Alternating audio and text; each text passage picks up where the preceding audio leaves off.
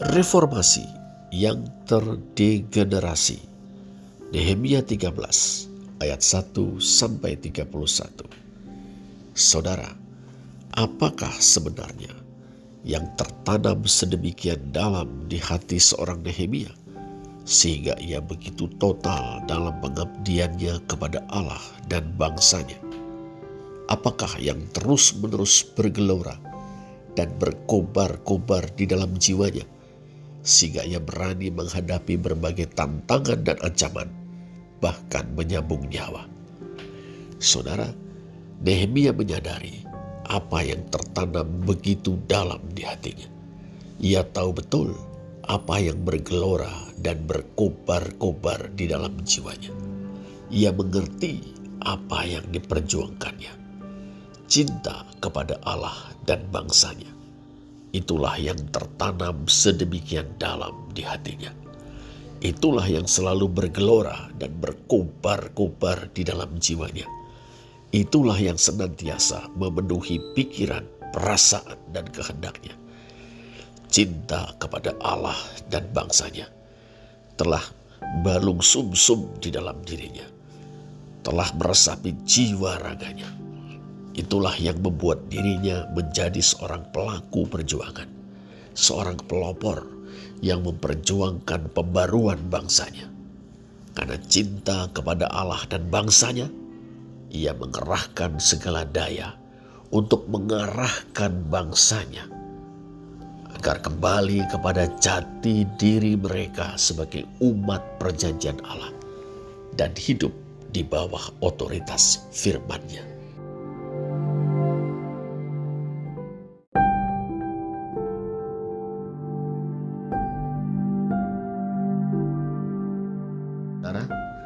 Cinta kepada Allah dengan segenap hati, jiwa, akal budi, dan kekuatan telah mendorong Nehemia untuk mengabdi kepada Allah secara total.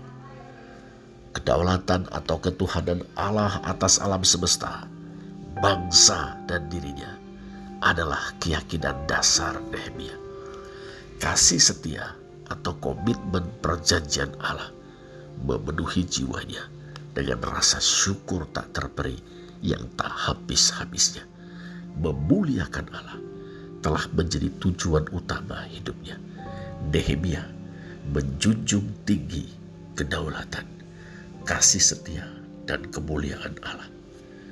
Nehemia mengerti bahwa menurut anugerahnya semata, Allah telah memilih orang Israel untuk menjadi sekutu atau umatnya Allah telah membebaskan mereka dari perbudakan di Mesir. Allah telah mengikat perjanjian dengan mereka. Allah juga telah mengaruniakan tanah yang telah dijanjikan kepada mereka.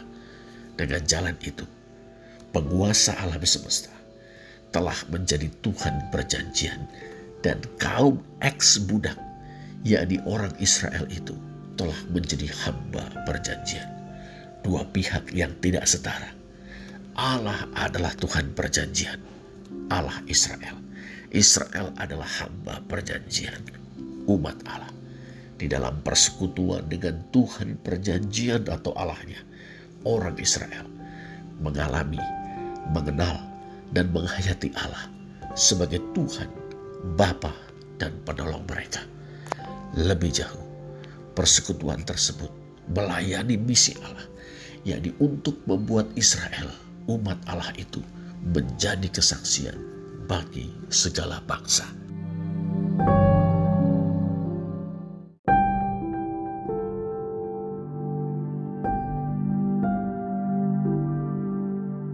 Itulah Nehemia, sosok yang mencintai Allah dan bangsanya. Ketika ia menerima visi ilahi yang mengharuskan dirinya untuk bergerak memelopori dan memimpin upaya pembaruan umat Allah. Maka cinta yang telah tertanam dalam-dalam di hatinya itu menggerakkan dirinya untuk maju ke medan perjuangan yang dahsyat tak terberi. Saudara, rasanya tidak berlebihan untuk mengatakan bahwa di dalam diri Nehemia kita sedang berhadapan dengan seorang Isha Elohim atau man of God, manusia Allah, atau sebagaimana diterjemahkan oleh Lembaga Alkitab Indonesia, abdi Allah, seperti Musa, seperti Elia, seperti Elisa, seperti Daud. Sebagaimana bisa kita simpulkan dari ulangan 33 ayat 1, Yosua 14 ayat 6, Mazmur 90 ayat 1 tentang Musa, Nehemia 12 ayat 24 dan 36 tentang Daud, satu Raja-Raja 17 ayat 18 dan dua Raja-Raja 1 ayat 12 tentang Nabi Elia, Dua Raja-Raja 4 ayat 16 tentang Nabi Elisa. Juga 2 Timotius 3 ayat 17. Isha Elohim atau Ho Anthropos Tuteu adalah manusia-manusia yang nyambung dengan Allah, yang hatinya diresapi dengan kepekaan akan ketuhanan, kasih setia dan kemuliaan Allah, yang hatinya dipenuhi kasih kepada umat Allah, dan yang jiwanya selalu merindukan agar umat Allah menjadi kesaksian bagi segala bangsa.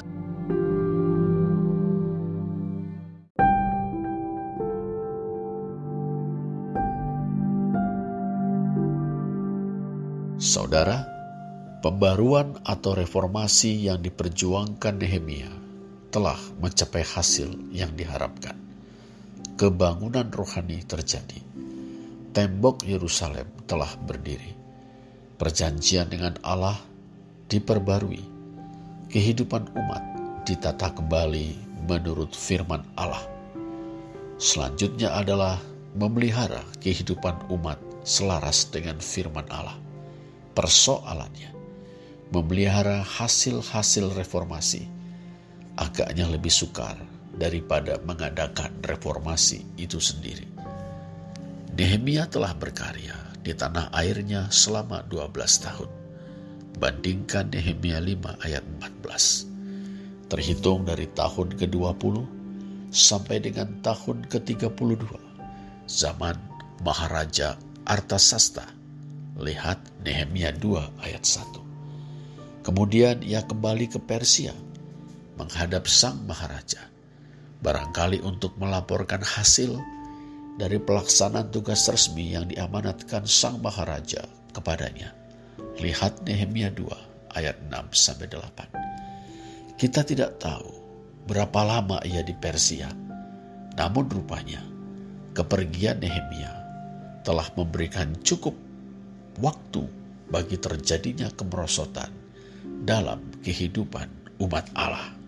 Pertama, pejabatnya mengawasi bilik-bilik bait Allah yakni Imam El Yasin, berhubungan rapat dengan Tobia yang memusuhi umat Allah dan terkenal sinis lagi penuh kebencian terhadap upaya pembangunan Yerusalem. El Yasib menyediakan kamar bagi Tobia. Kamar itu terletak di pelataran bait Allah. Semula kamar itu berfungsi sebagai tempat untuk menyimpan korban sajian kemenyan, dan alat-alat ibadah. Persembahan persepuluhan dari gandum, anggur, dan minyak yang menjadi hak orang-orang Lewi, para penyanyi, dan para penunggu pintu gerbang, serta persembahan khusus bagi para imam. Nehemia 13 ayat 5. Lantas, dikemanakankah semuanya itu sehingga bilik tersebut menjadi kamar Tobia?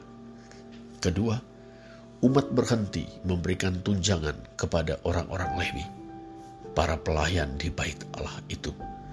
Akibatnya orang-orang Lewi mengundurkan diri dari pelayanan di bait suci.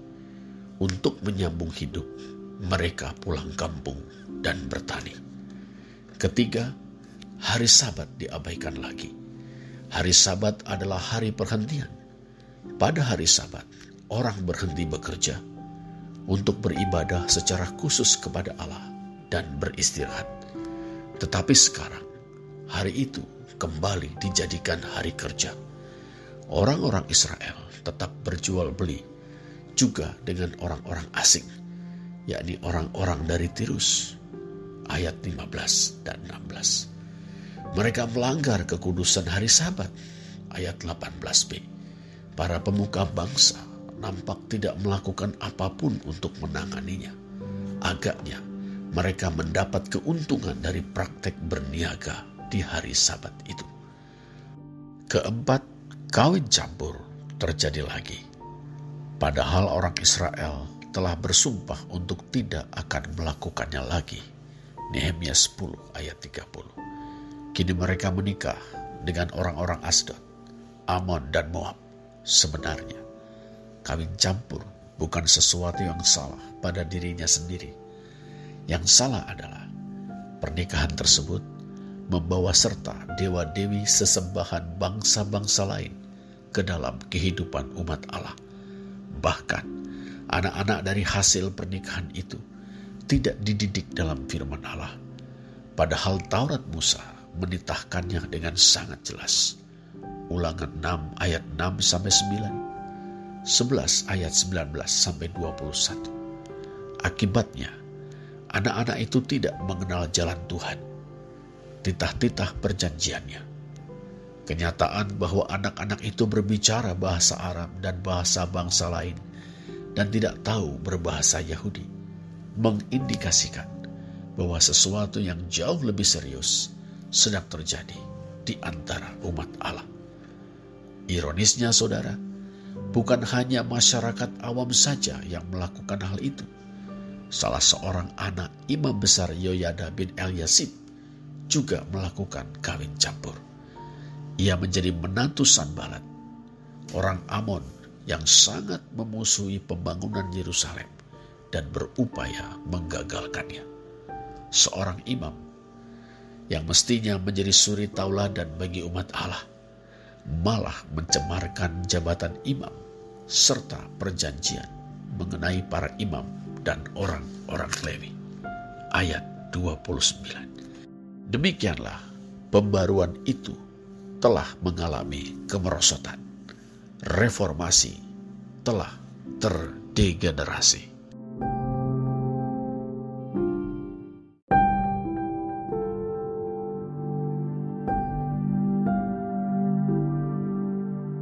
Tiba di Yehuda, Nehemia mendapati kemerosotan itu. Ia segera bertindak, sangat tegas.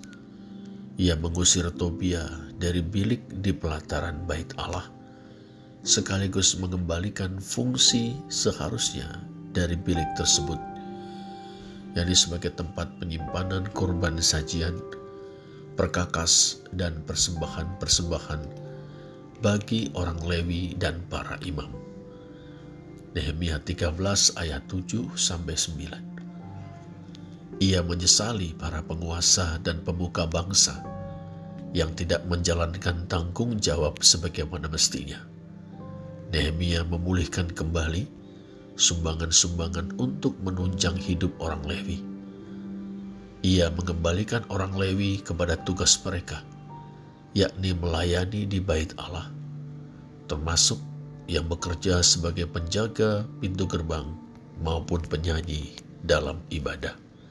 Ayat 11 dan 12. Nehemia juga menegakkan kembali pengudusan hari Sabat ayat 19 sampai 22. Terhadap kawin campur, Nehemia memurkai beberapa orang yang sangat mungkin merupakan orang-orang terkemuka di antara bangsa Yahudi. Ayat 25 dan 26. Kemudian ia mengajak umat untuk memperhatikan firman Allah. Ayat 1 sampai 3. Pada masa silam, ungkapan masuk ke dalam jemaah Allah tidak niscaya menyeratkan iman seseorang kepada Allah.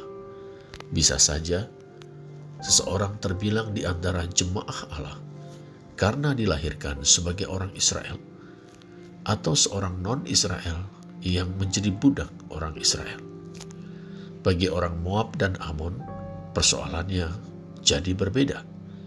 Lihat ulangan 23 ayat 3 dan 4. Menjadi budak orang Israel tidak membuat mereka secara otomatis terbilang di antara jemaah Allah.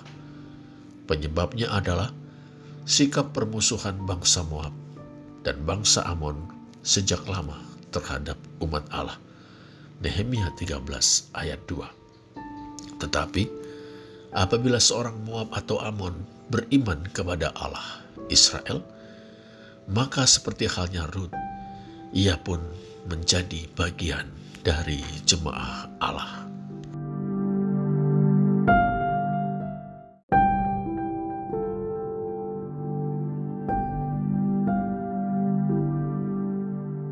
Dalam upaya menegakkan Taurat, Nehemia berpegang teguh pada perjanjian antara Allah dan bangsanya. Motivasinya, cinta kepada Allah dan cinta kepada bangsanya. Reformasi yang terdegenerasi pada hakikatnya merupakan pengingkaran terhadap perjanjian itu.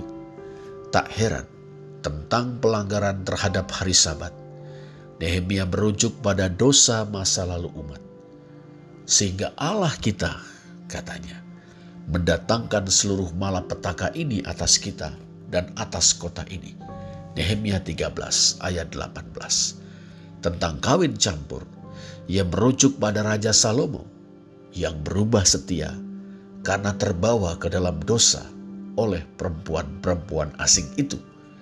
Ayat 26 dan 27 lembaran-lembaran hitam masa lalu Israel menjadi pelajaran yang sangat berharga bagi Nehemia agar umat Allah mawas diri, bertindak hati-hati, dan belajar untuk setia kepada Allah Tuhan perjanjian. Dengan demikian, upaya menegakkan Taurat berintikan koreksi dan pembenahan agar umat kembali pada kasih yang mula-mula sebagai hamba perjanjian. Saudara, perjuangan Nehemia untuk menegakkan Taurat juga dilakukan dengan kesadaran mendalam sebagai seorang anggota umat Allah.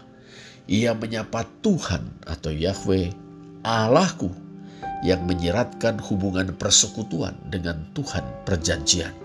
Ayat 14, 22b, 29, dan 31 ketika ia meminta agar Allah mengingat dirinya dan perjuangannya, dan mohon agar Allah memperhatikan kesejahteraannya.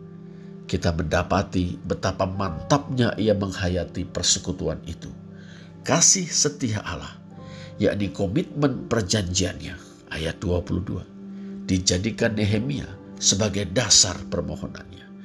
Tuhan perjanjian yang telah memanggil dan mengutus Nehemia melaksanakan rencana Allah Dialah yang setia membackup Nehemia dan tidak pernah mengabaikannya. Itulah sebabnya Nehemia tidak ragu berdoa, juga tidak putus-putusnya bermohon kepada Allahnya. Saudara, kita tahu upaya Nehemia menegakkan Taurat berhasil. Bangsanya kembali bertobat. Jerih payahnya tidak sia-sia. Tetapi sejarah masih harus bergulir Sementara Nehemia dan orang-orang segenerasinya berlalu dari dunia ini, angkatan-angkatan baru akan muncul. Perjuangan akan terus berlangsung sampai akhir zaman.